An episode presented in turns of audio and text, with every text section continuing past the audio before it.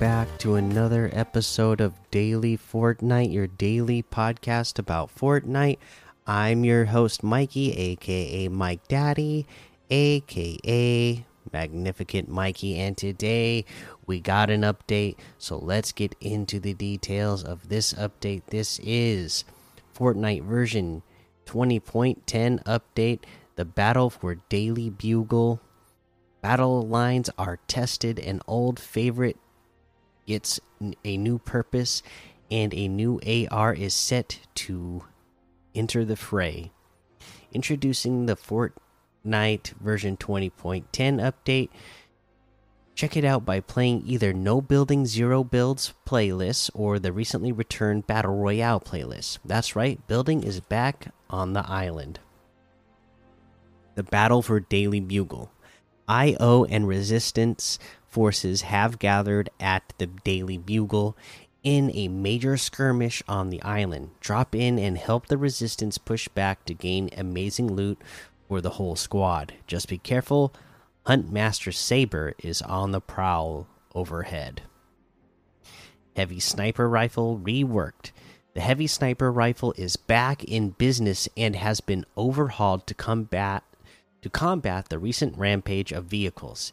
Its high caliber rounds now deal bonus damage to vehicles, making it the perfect tool to dismantle a Titan or breach an opponent's defenses from long range. Heavy sniper rifles can be found in chests, rare chests, and supply drops at rare, epic, and legendary rarities. Be it at be it a distant opponent or vehicle's armored hull, none last long in the heavy sniper rifle sights. Assault rifle funding begins. Grab those bars and let your voice be heard. Donation boards are open for funding.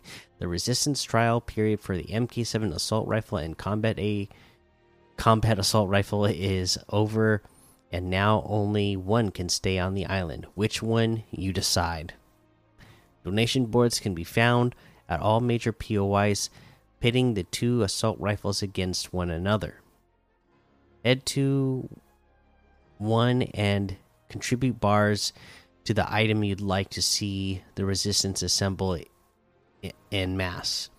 First choice to reach 100% funded based on everyone's global contributions will win and enter the loot pool immediately balance patch recap. So, a balance update last week made meaningful adjustments to the following items combat and stinger SMG damage to players and structures reduced, combat SMG headshot damage reduced to match the stinger, MK7 and combat assault rifle damage to players and structures reduced. Titan tanks and cow catchers have been removed from competitive playlists.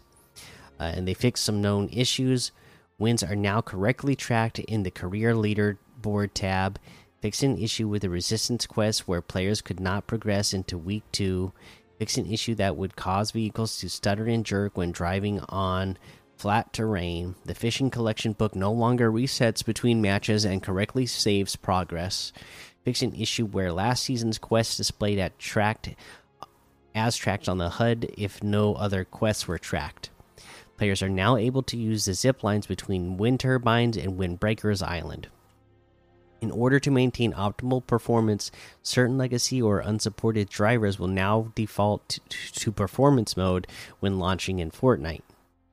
Competitive notes the heavy sniper rifle is not included in competitive playlists.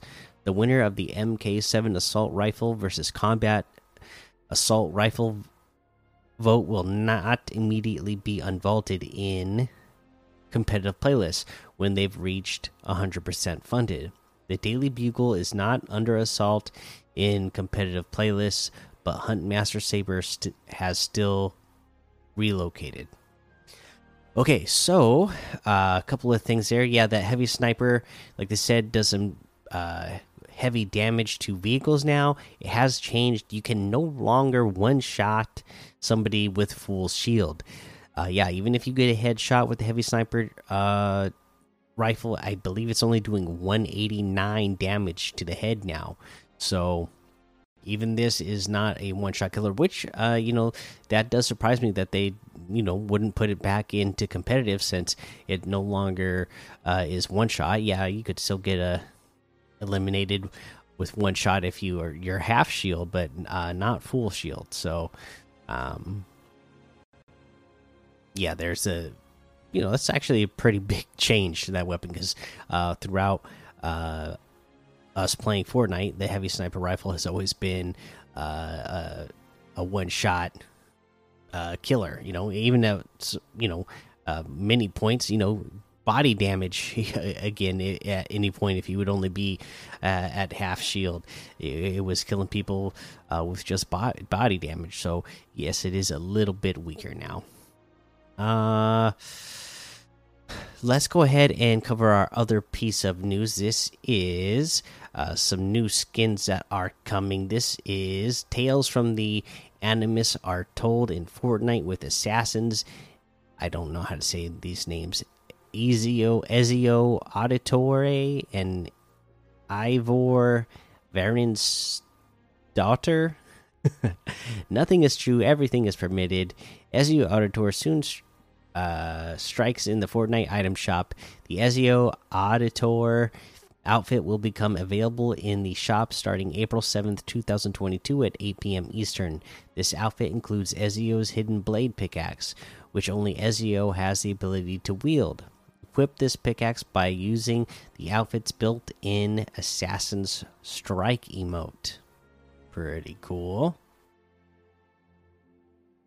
Making her Fortnite debut at the same time, Ezio arrives in the item shop. Eivor Varinsdottir continues to weave her own destiny. The Eivor Varinsdottir outfit will become available in the shop starting April 7th at 8 p.m. Eastern. Put on her hood with the outfit's cloaked alt style. Included with the Eivor Varinsdottir outfit is the Eivor shield back bling, a shield bearing the mark of the Raven clan and the hand axes of the Raven Clan pickaxe comes with Eivor's uh, axes alt style. Once used for uh, setting sail for Ravensthorpe, the Wolf Kiss longboat glider is available in the item shop as well. Both Eivor's back bling and pickaxe include the built the built-in Viking Warcry emote with one or both of these items equipped. Perform the emote to bang the shield and hand axes together.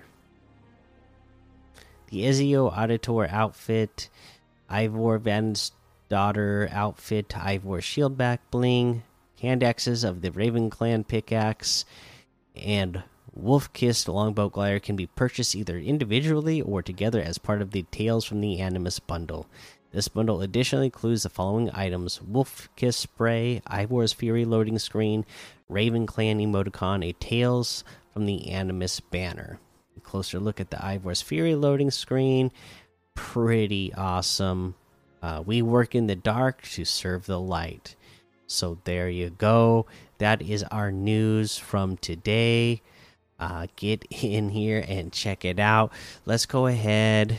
Oh, looks like we got a new alt style for Dutch, the Easter Bunny, which makes sense because we've got Easter coming up.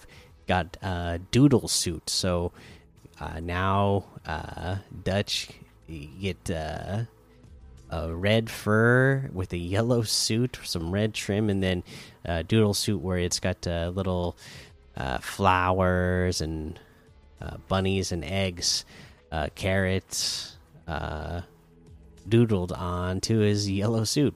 Uh, it actually looks pretty cool. Uh, I like the colors and everything. Uh, okay, let's go ahead and take a look at these LTMs for today.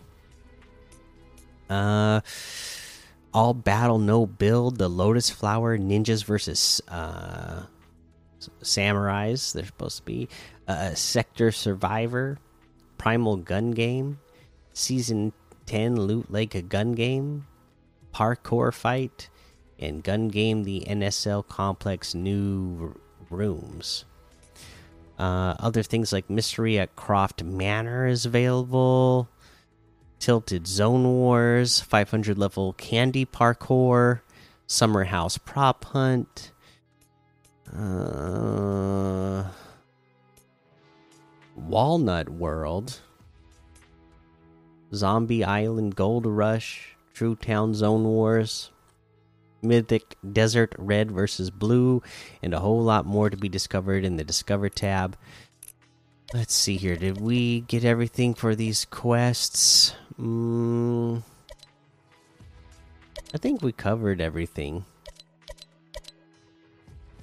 Uh, so let's go ahead and head on over to the item shop and see what we have in the item shop today. Uh, the Windwalker Echo outfit is still here for 800 V bucks. The Matrix uh, items are still here.